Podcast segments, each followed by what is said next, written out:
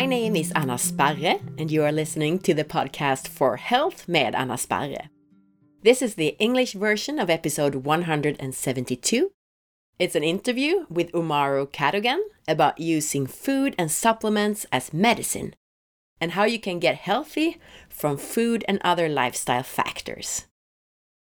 If you prefer to listen to this episode with Swedish translations, summaries, you can listen to the previous episode, episode 172. You can also learn more from Umahro as he is hosting an education in Stockholm, Sweden, the 26th to 28th of January. The course is on the topic of genetics and it's suitable for you if you are educated or work as a practitioner within health or medicine. To sign up for this course, click the link that you'll find in the episode information for this podcast or send an email to info at alphaplus.se. You can also find more information if you go to forhealth.se or facebook.com slash forhealth.se or on Instagram where you find me as A Sparre, A-S-P-A-R-R-E. Please share this podcast episode on Facebook or to a friend if you like it. And don't forget to leave your review in iTunes.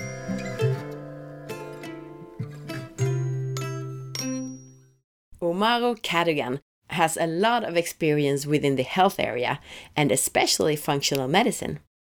Umahro started off his own health journey being ill with serious diseases like Crohn's, inflammation, liver dysfunction, allergies, and neurological disturbances. His diseases were all treated by dietary changes and supplementation. But we should let Umahro tell his story in his own words and also let him share a little bit of all his knowledge within health and functional medicine. Also, don't miss next week when Umahro will be back to talk about genetics and methylation. Umahro, welcome to the show. Thank you. So, you are very well known within the field of functional medicine, but some of the Swedish listeners may not know who you are. So please let us know about yourself and your background and how you ended up as a health professional. Yeah, well, I mean, look, like retrospectively, it's actually no surprise that I've ended up working with uh, health and nutrition and functional medicine.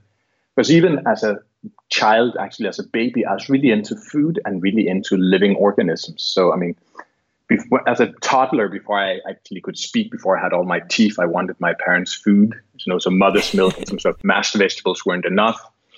I attempted to make my first omelette before the age of three. I didn't succeed, but I managed to um, turn on the stove, get hold of a frying pan, and then I was trying to climb into the refrigerator using a chair, and my parents literally had to remove me um, wow. from, from from the from the refrigerator. And so you know, so so that interest in food's been there, and then my background also, you know, I'm Danish, but my mother's like archetypical Scandinavian, blonde, blue eyes, thinks of the sun looks like a tomato, but my father's from Barbados, so I've had a very diverse culinary background from an early age as well with Caribbean food. Um, and then I've also always been really into living organisms. So as a child, I read all these books I could about animals and nature, and I was really into animals and nature. I'd spent time looking, digging into the soil, looking for insects, you know. So that interest has always been there. And then for a long time, I actually thought I would end up doing something completely different um, because uh, also I've done elite sports. So as a teenager, I played basketball at elite level and of course had dreams of becoming a basketball pro, although I'm just, you know, 186. So that's kind of sh- small for a modern day basketball player, especially if you're playing forward or center. But I was quite good. Um, and also my father's side of the family, um, there are a lot of them are musicians and actors. So for quite a while, I actually thought I'd end up being a musician, and I was actually very close to signing a deal with Mega Records, the big Danish record company that sort of ruled everything uh, in the charts in the mid 90s. They also signed Ace of Base and uh, you know things like that. But then um, at the age of 18, I came back to Denmark after having lived for quite a while in the Far East, and I wanted to take a year off, a sabbatical year, before leaving for um, the UK to study. And during that year, I became very ill. So I developed inflammatory bowel disease. I developed uh, reactive arthritis. I developed all these neurological symptoms that were finally um, diagnosed as atypical sclerosis. I developed hepatic inflammation, so some sort of autoimmune hepatitis. Lost 40 kilograms, uh, and then developed severe fatigue and pain all over. So also was diagnosed with uh, fit the diagnostic criteria for chronic fatigue syndrome and fibromyalgia.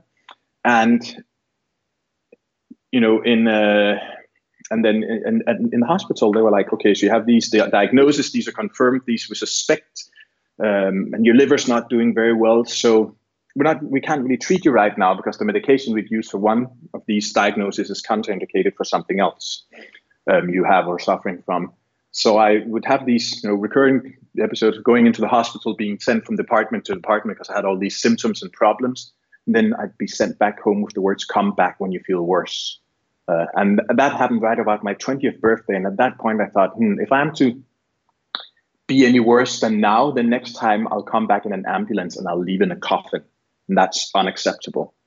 So at that point, it sort of dawned on me there must be some way to really make food kind of medicine. Um, and, you know, I've also, because I've been so much into biology and, and, and health, I had studied a lot of biology and biochemistry um, between the age of 16 and 18 very close, you know, something very similar or to a bachelor in uh, human biology, that sort of thing. So I had a lot of theoretical knowledge.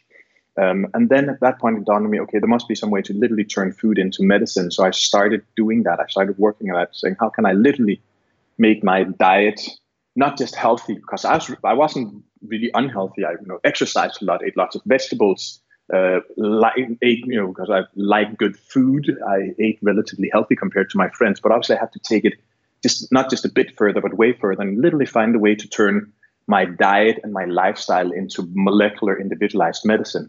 And so I embarked on this journey, knowing quite a lot myself already, but of course also seeking out all these experts from all over the world. Um, you know, to try to figure out why, figure out this puzzle. Why's my body my foe instead of friend, and what could I do to literally have my body work with me instead of against me? And that, it, you know, I, I, I, sort of cracked the code or figured out the puzzle, but it took me about five years. Um, so in my mid twenties, I finally sort of figured out all the things, a lot of the things going on, and how I could address those to diet, to nutrition, lifestyle, um, very targeted use of food supplements, and also it's a very judicious use of medications. And so there I was in my mid 20s, healthy, or not completely healthy, but at least no longer sick. And at that, you know, what I'd actually stumbled upon then was functional medicine. I just didn't know the word at the time, but that's literally right saying, okay, so you have all these diagnoses, what's going on behind the scenes with you since your body acts in that way? And so then I said, okay, all these dreams about either going to UK to study philosophy, politics, and economics or being a musician, actually, I have to do something else because I've made this discovery that food can literally be medicine. Food can change your life um, and lifestyle and nutrition. And if I can go, you know, get that far by looking at things in a very specific and individualized manner, there must be so many other people out there who can really get a lot of benefit out of beginning to think about food and lifestyle as medicine. And then I started working in this field. Uh, so I wrote books, I did lectures, I started having consultations sessions with people one to one. and then a few years later, I stumbled upon the Institute for Functional Medicine, and it's like, oh, I'm, you know, this is this is this is home. I found the place where they're talking the language and put words on language and a whole vocabulary and a way of thinking about health and disease and how the human body works and how you can address problems that completely fits what I've been doing just without having the word for it. And then yeah, that's what I've been working with ever since. This interaction, this you know cross section between physiology, biochemistry, endocrinology, uh, immunology, microbiology, physiology, energy production, how that's affected by diet, by nutrition, by exercise, by environment, by stress and sleep. Um, and so my aim is simply to say, know, give people the tools, the information, inspiration, and knowledge to achieve all the health and all the vitality and energy and well-being they wish for and deserve. Um, so yeah, so that that's how I ended up working, you know, doing what I do, and then I've done a lot of further education, the Institute for Functional Medicine, and many other places. Um, so despite not having done the sort of traditional route, gone, uh, you know, bachelor, master's, PhD, I still am at a level of knowledge and sort of skills when it comes to functional medicine where I can uh, hold my own with PhDs and doctors and professors and have, held adjunct prof- professorates as well uh, at small universities. And currently I'm in this think tank or set um, up by the University of Copenhagen and Southern Danish University, where we want to embark on some quite ambitious studies looking at using nutrition, diet, and lifestyle as intervention for ADHD and other neuropsychiatrical and developmental disorders, and then do it right. So we, you know, make the study tight enough and good enough that it's not up for discussion whether um, the protocol we end up setting up works or not. Where we really look at food and nutrition and movement and lifestyle and health. Oh, that's I'm and happy then, to hear that. Yeah, so so that, and then of course I've written a lot of books, and my most recent book is the first part of a trilogy, uh, fra syg til rask, so from healthy to or for sick to healthy, um, which will be the first one, and then the next one will be from unhealthy to healthy, and then from healthy to peak performance. Uh, so one book a year.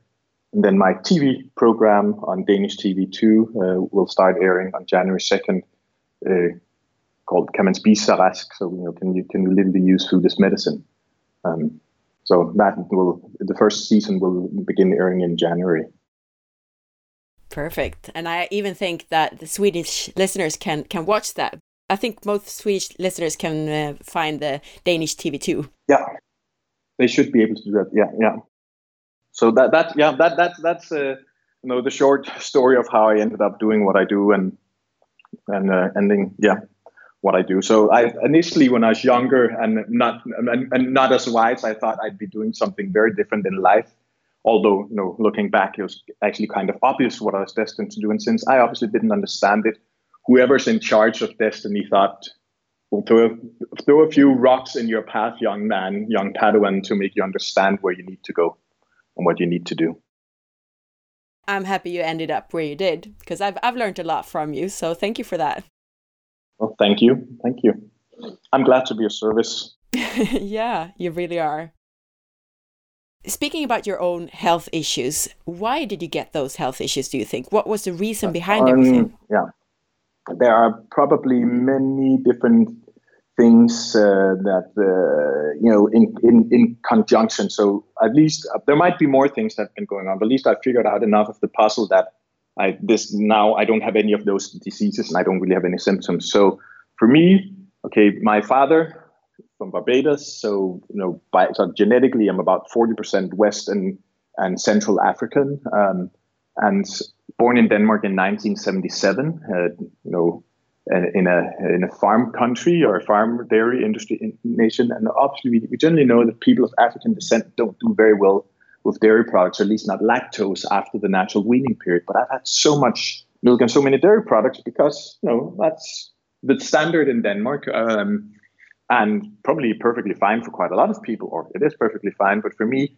having massive amounts of dairy products also because I was a very, very hungry child, you know, this interest in food. It's also because I have a humongous appetite. So I had lots of dairy products from an early age, and that was recommended. Um, also, I was breastfed, so it's not that I didn't get you know breastfed. I was, but so I probably from from the get go for for several decades I had lots of dairy products that just don't agree with me in large amounts at least, and that I also know now. I can have dairy products occasionally as a culinary pleasure. You know, if I go out for brunch and they have some skyr or some uh, drained um, Greek yogurt, that's fine to have. But if I have it every day, that starts causing digestive problems that then set up me up for all these knock-on symptoms. So that's part of it.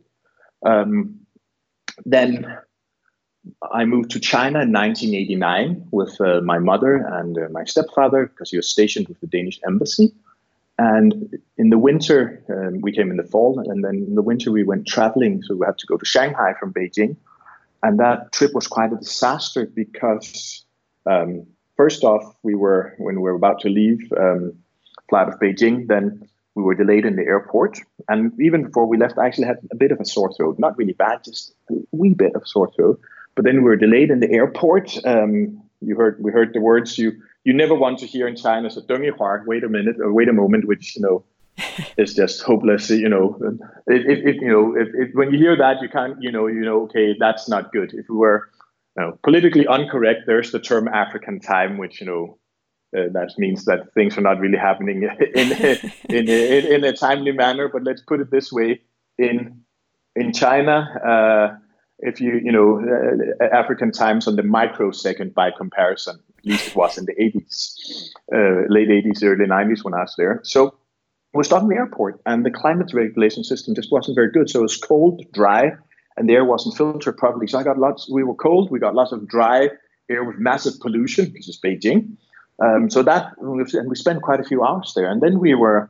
Uh, our plane was redirected. Uh, our, our, plane finally left, but that was also a problem there that the yeah that there was something wrong with the with the air filtering air supply. So it was really it was the plane was cold and the air was dry and probably not filtered properly. So during that plane trip, already I started getting running a fever and I uh, my throat got worse. And then we couldn't land in Shanghai because of fog and because um, there's ice on the runways.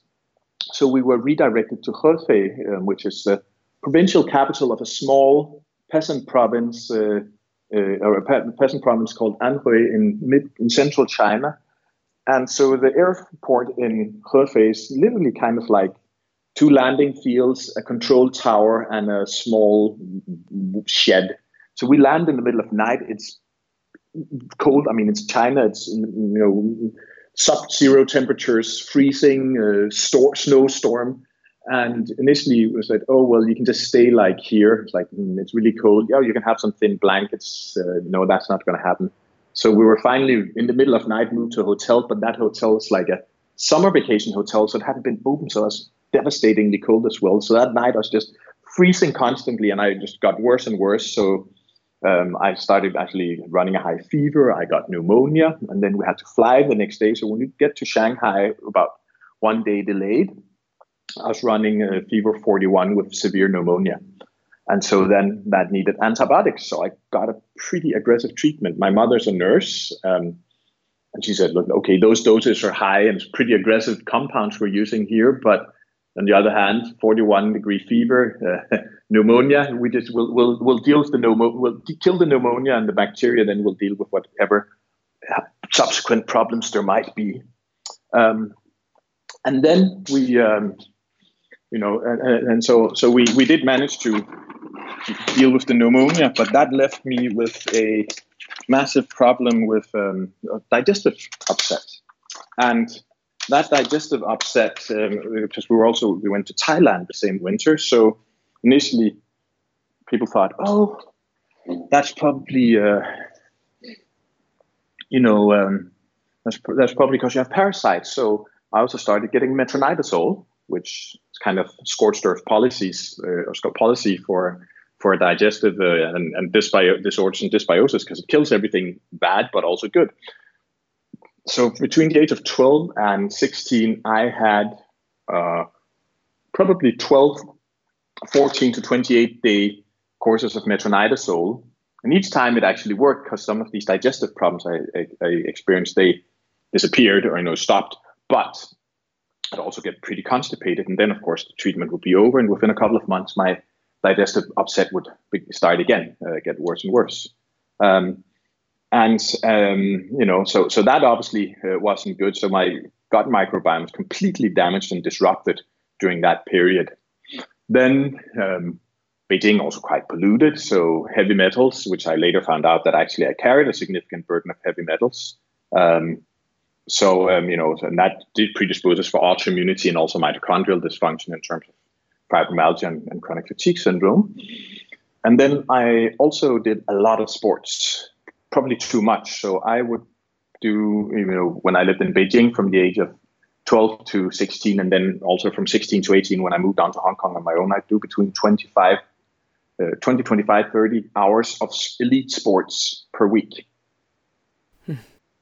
Trained many hours every day, and then also, you know, did had lots of played basketball, but also played football, did short distance triathlon, also played on the school's volleyball team. And if ever they were short of someone for some other competition, they they you know use me because I'm in such good shape.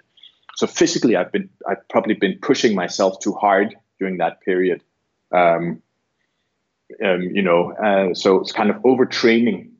And then when I moved to Hong Kong on my own, I uh, you know, if you live in a in a major uh, metropole when you're a teenager, uh, at a, I lived at a, went to the United World College in Hong Kong. So you go to school with 800 other 16, 17, 18, 19, 20 year olds from all over the world. Like sleep? Nah, I can sleep when I grow old. So I, uh, so I, I, you know, so so I didn't get, so, so definitely didn't get enough sleep during that period, and all, you know, um, and so all those things probably I just pushed myself too hard. And then when I was 18, came back to Denmark. Usually, you know, you, you get take a breather, and then things just kind of collapse. And then I tested myself genetically. So genetically, I can see that I have I'm predisposed to autoimmunity because I have a very all the genes that code for an upregulated immune response and more inflammation. I have most of those. Um, my vitamin D receptors are not that efficient. So if, unless my vitamin D is really high, then I have problems because my cells are kind of deaf uh, in terms of the messaging mediated by vitamin D. I also, in terms of the sleep, I, when I look at of my genes, I have genetics that set me up for having problems sleeping unless I have really strict sleep hygiene with lights off, uh, meditation in the evening, magnesium, melatonin, that sort of thing you know, so uh, so all that came together, and then of course this like succeedingly destruction of my gut microbiota caused dysbiosis. So I also developed intolerances to a lot of foods apart from dairy products, and so all of that in conjunction, you know, set up set me up for initially inflammation in my digestive system and increased permeability, and then you, you know I started getting all these knock-on um, inflammatory reactions elsewhere in the body, and then the downregulation of mitochondrial function and uh, change of, of neurobiochemistry, leading also to the fibromyalgia and chronic fatigue syndrome. So that that at least that part of the puzzle I've solved, and then by addressing that really aggressively with diet, with sleep rehabilitation, with exercise, uh, changing how much I exercise, the way I exercise, and not overdoing things, and with um, you know rather aggressive supplementation and that still that today I am also still quite aggressive with supplementation. I have to, otherwise some of my symptoms come back. And then you know being on top of my diet as well as using a small amount of medicine. So the one medication that I have been using for a very long time and probably can't get off is low dose fluconazole because I actually have some problems with candida. So although candida is sometimes vastly over uh, sort of uh, diagnosed in, in, in alternative health, for me, there is a serious problem even when I am on top of my diet. So I um, need to do, take a bit of fluconazole, otherwise I'll get uh, growth of all sorts of strange species of candida that then restart the whole cycle of digestive problems and follow-on symptoms. Very interesting. I think you mentioned more or less every cause I could think about now, like genetics, the, yeah, yeah. the, food you ate, the gut flora, the toxins, the stress from overtraining, and lack of sleep. I mean, that that's yeah. more or less everything you can think about. Yeah, yeah, yeah. And then you could say also, relatively speaking, nutrient deficiencies. Not that I wasn't eating a nutrient poor diet, but I certainly wasn't getting the nutrients I needed compared to what was going on in my body. Mm. Um, so I guess with the gut issues too, you probably didn't absorb everything you ate, right? No, I didn't absorb anything, and then you know, if you have, if you're if you're predisposed for inflammation, then the amount of vitamin D and vitamin C and omega three fatty acids that's needed to achieve inflammatory control is way above and beyond what's normal, you know, or what's normally necessary. So, yeah, so uh, I had a good good mix up of things, uh, and so I probably spent uh, a million Danish kroner or more on lab testing and supplements and so forth, but it's been worth every cent because today I'm perfectly healthy. The only residual symptoms I have is that my uh, right pinky, the uh, the outermost joint, is still a bit crooked from uh, the reactive arthritis. So there's not that there's any active uh, inflammation there, but you know there's still some uh, scar tissue and then I have some very minor um, neurological symptoms. So I'm not allowed to drive because there's still some issues with my balance if I have to use my peripheral vision whilst moving. So it's not that I have problems standing or moving, but if I have to look and take in what's going on right at the edge of my visual field whilst I'm in motion, then I actually get dizzy uh, or might even get these small blackouts. So I can't drive a car. I can bike because they're, you know, I just look straight ahead and I don't have to use my peripheral vision whilst turning my head. But in a car, if I were to have the car moving one direction, turn my head in another direction to look and still have to look out the corner of my eye, then I would, you know, that would uh, get me in trouble. But that's really minor compared to where I was. And then, yeah, I take supplements in amounts that sometimes astonish or even shock other people. Not saying that everyone needs to do that, but that's what I need to address my biology and, and physiology and biochemistry to keep things in check and in balance. But wow, that, that's amazing that you got well from all of that. Yeah. Yeah, I mean, my my my biological age. I mean, I'm 40 years uh, old by chronologically, but right now my biological age when I do these you know body scans and blood pressure is 26. So yeah, it works. Oh wow! so what kind of food do you eat nowadays? Well, I my the basis of my diet is kind of a hunter-gatherer diet. Um, so I live off lots of vegetables. I live off lots of berries, moderate amounts of fruits. I have some nuts. I have uh, relatively high amounts of uh, high quality protein, so seafood, uh, raw, shellfish, game, poultry, eggs, uh, some red meat, smaller amounts, higher quality, all from you know organic or biodynamic or grass-fed animals. Um, so that's kind of the foundation of my diet. Uh, then I also use a fair amount of uh, um, rice protein powder because I train a lot uh, and so to you know to actually keep protein intake high enough for me, um, also weighing at 103 kilograms, I need quite a lot, and and also wanting to be a bit environmentally conscious. Then um, I also supplement with that, and then I eat other foods at my leisure. So today I can you know if I want to go out and have a really good Italian meal, I can do that. I might be a bit constipated the day after, like everyone will be if they have you know uh, whatever grand uh, pasta dish and pizza and so forth.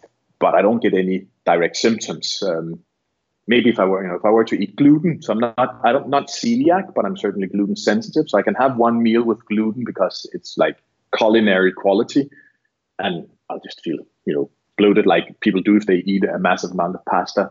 But if I have gluten on a daily basis or dairy products on a daily basis, um, that's definitely a no go for me. Then I can, you know, feel that digestive problems return. And obviously, having uh, lots of processed foods don't agree with my digestive system either. Um, so I have that, and then I have very small amounts of really high quality alcohol because uh, it turned out when I they also looked at my genetics that I, I am an ApoE4. So uh, that, of course, means that I'm super sensitive to many of the things that can predispose for cardiovascular disease. And that also means I have to take certain precautions because one of the things I need to do to uh, keep, um, uh, you know, to keep inflammation at bay to take really high doses of fish oil. Um, so I need to do, you know, 25, 30 grams of fish oil and cod liver oil a day. Wow and of course also because I have high lean mass, so uh, just by body mass I need more. But also, but then if you have ApoE4, that gets you in trouble in terms of high triglycerides and high LDL and VLDL cholesterol. So therefore, I need to do lots of niacin to keep my lipids in check. Um, because if I don't have that fish oil, I also do a lot of other anti-inflammatory foods and supplements. Then some of those inflammatory problems start coming back. Um, so I have to you know. But then the other thing with ApoE4 is then you react adversely even to sort of a Mediterranean so-called healthy drinking pattern. So I only have a little bit of really high quality champagne or rum or wine on occasion. Um, of course, rum since you're from Barbados. exactly, yeah, yeah. But but but but but my but my but my old uh, my old excuse that since I'm from Barbados, I should have a glass of rum a day. Obviously, doesn't work on I'm ApoE4, no. so that's not that's no good. So right, so that and then. Uh, and then I don't have much coffee because I'm extremely caffeine sensitive. It makes sense when I look at my genetics. So I actually only have coffee if I'm really jet lagged and tired and I need to be awake because otherwise I get super bust and I can't sleep and I get a little, little, little hyper. You know, that's a diplomatic way of saying it. Um, so yeah, so that and then yeah, and then I have a good handful of supplements: uh, breakfast, lunch, dinner, uh, a small amount of supplements upon awakening, and before and after training and before sleep. Of the supplements, you mentioned uh, the fish oil, the omega threes, and you also yeah. mentioned uh, vitamin B three. What are the other main ones that are the most important ones uh, for you? I, well, I need really uh, aggressive broad spectrum probiotic supplementation. So I actually have to take four different probiotics to keep my gut microbiota in balance. Um, so I take Saccharomyces boulardii, I take some soil based bacteria, I take two different sort of classic probiotics to cover all bases. I need a lot of prebiotics. So I take FOS, inulin, uh, larch galactans. Um, and um, also some uh, xylo oligosaccharides and um, some pectin to you know keep sort of feeding my gut microflora. So that's really important for me as well. I can feel vitamin D in high doses. So I need to keep myself at about 130 nanomoles per liter. Um, if I drop below that, then I start actually losing uh, some immune control. You know, which 130 nanomoles per liter is high in the normal range, but because my vitamin D receptors aren't as sensitive, then I need to stay really high. So that I can feel is really important for me. I have um, acid because my own production uh, is not very good, uh, even after doing all this gut rehabilitation. So that is also um, really, really important for me. Um, I also take a lot of uh, mitochondrial supplements, coenzyme Q10, alpha lipoic acid, acetyl L-carnitine, uh, pyrroloquinoline, quinone, um, as well. You know, P, P, P, uh, PQQ for for mitochondrial function and creatine as well mitochondrial functions. I can feel that's really important for me as well. And then also a lot of uh, adaptogens uh, and things that are kind of calming when I sleep. And I t- have to take melatonin at night to really sleep well and efficiently. So um, yeah, and then I take some other things, well, but those like you know, those are things that are non-negotiable, and I'll quickly feel untoward effects if I don't take them. Wow, interesting. And we should maybe mention also that that's of course individual to you that you need those specific. Exactly. Yeah, yeah. Yeah, yeah, exactly, and that, and I think, yeah, because I think that's really important. You know, that we see people who do these really aggressive, um, expansive uh, supplement protocols, if it works for them or what works for me, that's brilliant. But that's not that doesn't mean everyone should do the same. Just like I've had, you know, when I was really ill, I had to be on a strict uh, paleo AI, you know, autoimmune protocol diet for five years. That's not the same as saying that's the only way of eating, or you're only going to be healthy if you eat an autoimmune, know, paleo AIP. Otherwise, you'll be burning in damnation with inflammation, that sort of thing. You can't say that um, because it's really different what people need. Um, there are obviously some things that are like given, you know, no one's going to live well off trans fat and deep fried processed foods with lots of added sugar. but but apart from that, there's a huge variety of what's healthy or necessary mm. from person to person. You also mentioned your upcoming TV show and your new book. So everything is about how you get healthy from foods. Yeah, and lifestyle. Yeah, and lifestyle. Yeah. Yes, of course to the general person, what would be your, say, top three or top five advice where to start to get healthy from food? Well, looking, looking at food, my first suggestion is that you start by trying to make all your meals fit to what I call the tea plate model. So if you imagine you have a tea you put on top of your plate, then everything above this, the tea, which is 50%, should be vegetables, berries, and fruits, and in that order. So more vegetables than berries than fruits, and that should be at least half the plate. Um, so you know, so that's uh, that's the first thing um, to get in place because if you use that focus right, we know the vegetables and berries and fruits are healthy.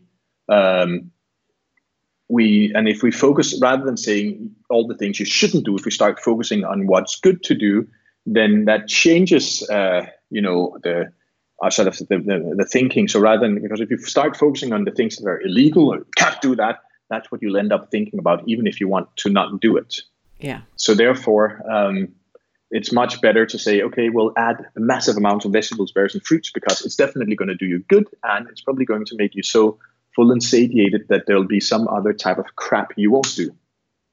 Right. Um, so you know, so, um, yeah. So you, you know, so so do that, and then also, if you use the T plate model, then you have you know, twenty five percent on the one side of the T. That should be lean protein from healthy sources with a bit of fat. So eggs, uh, seafood, shellfish, roe, poultry, game, quality meat. Um, and if you're and you're like high quality protein powder can be an okay source as well. Uh, if you're vegetarian, you might have to start looking towards things like tofu and soy yogurt. Uh, maybe not in massive excess, um, but that you know those can be protein sources as well. And then you have the final uh, 25% under the other side of the T, and that should be starch, but from whole foods. So like potatoes, sweet potatoes, uh, quinoa, millet, buckwheat, brown rice, black rice, red rice, that sort of thing. Um, you know, so. Where do you get the fats then? Because that's that was not. Well, the fats. Plate. Well, well, I mean, the fats sort of. I'll say they, they fit in because when you have that that that that quarter with with healthy uh, with lean protein, healthy fat. Also, there you, you know have like things like avocado, have a bit of nuts. Okay. Uh, have a bit of olive oil. So that sort of goes there also because those protein sources also often contain some fat in the first place. So you have that and then you can add some fat on top of that depending on need and what you might need to supplement or with or need more of. So you do that uh, and then uh, you know so so that's a good starting point and then you know drink water, drink tea, drink vegetable juice which can make up some of those uh, of that half plate of vegetables have coffee in moderation if you like it and you're not going to get buzzed by it, uh, and have a you know alcohol in moderation if you tolerate it. And also on the protein part of the plate, unless you have a specific problem with it, cultured dairy food could be you know dairy products so like skyr, yogurt, cottage cheese that can be perfectly fine as well. Um, and a bit of well-aged cheese because you get vitamin K two, which of course is really important for health. So that's like a, it's a simple starting point, but it's damn effective. And if you also you want to make it really simple, you can measure it out in palmfuls. So half the plate is usually about two palmfuls, right? So two palmfuls of vegetables, uh, berries, and fruits. One palmful of quality protein with some healthy fat, or you could say one palmful of quality protein and a half to whole thumb of healthy fat like olive oil or flaxseed oil or hemp seed oil or coconut oil, uh, and then a half to a whole handful of starchy foods, not refined starchy foods, but you know whether that's chickpeas, lentils, beans, potatoes, or whatever, those are all fine. So, so that's a starting point, and then of course you get individualization. So you'll have some people who don't shouldn't have dairy products. You'll have some people who shouldn't have gluten, so they can't have any gluten over in the starchy part of the plate. You'll have some people who don't do well with red meat, so the protein source they should stay away from beef and uh, pork um, and lamb if they can feel if they feel much better without. Um, but that's like a good starting point. Really simple and effective. And then, of course, for people who actually have a real issue with carbs, which some people do. But again, you know, it's been in, for a period at least, it's kind of like carbs were the enemy of everyone and everything.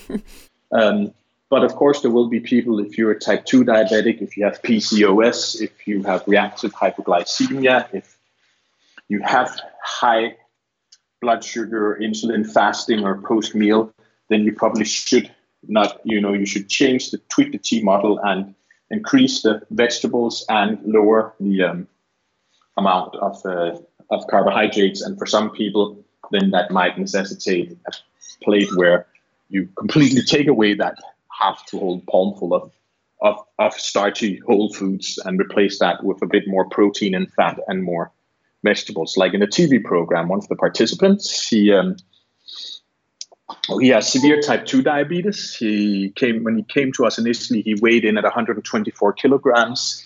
He had a waist circumference of 124 centimeters. His post meal glucose ran between 15 and 17, despite being on both fast and slow acting insulin and metformin and a GLP-1 analog all max dose. So of course for him we said, you know what, you're gonna just like not have any of the fruit on the top part of the plate. You're not gonna have that starchy quarter of the plate. You're just gonna have low like low starch, low carb vegetables, berries, a piece of fruit a day to satisfy your craving for sweets. But potatoes, rice, that sort of thing is no go. And so over the 12 weeks where we followed the participants in the TU program, just doing that, um, he uh, completely normalized his blood glucose, could get off all insulin and uh, do with just a really minuscule amount of metformin, you know, and, and didn't log a post-meal glucose higher than 7.7. That's great. So of course, if there's an immediate, obvious, like medical need, then the T plate model has to be modified. Um, but otherwise, I, you know, when people ask what should I do, I think that that's like it's so simple, so effective, but it's such a good starting point. Um, and then we can tweak it from there. Um, and then you know, and then sometimes you'll meet you know, politically incorrect, uh, politically not quite uh, comme il faut, but like men will say, "Oh, yeah, I don't want vegetables; it's rabbit food." And my usual saying be, "Yeah, you're right. Vegetables are rabbit food, but you shouldn't say it in a condescending manner because what two characteristics do we ascribe to rabbits? Apart from the fact that they have really good vision, there's something about libido and energy. Yeah. what do the rabbits eat? They eat rabbit food. Yeah, they do. So in that case, are you going to have your six, at least six servings or six palmfuls of vegetables, berries, and fruit a day? Yep. Yeah, I, I can understand that.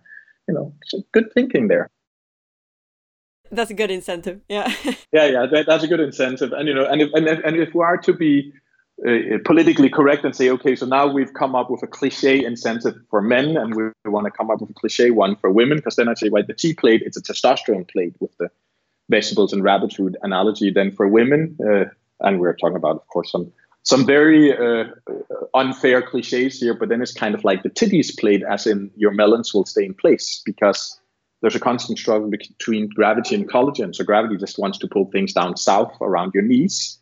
Collagen wants to keep it in place and all the healthy things makes collagen stronger and gravity weaker. So there are certain, you know, breasts and other things, they will simply be, they'll stay firm and youthful much longer if you're healthy. So it's also the titties plate. So the T plate, whether we're speaking sort of logic or speaking to our primitive cells, it makes a damn lot of sense. Perfect. Thank you.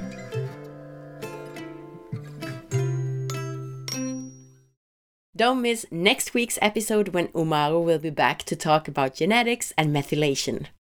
Thanks for listening. I hope you liked the interview.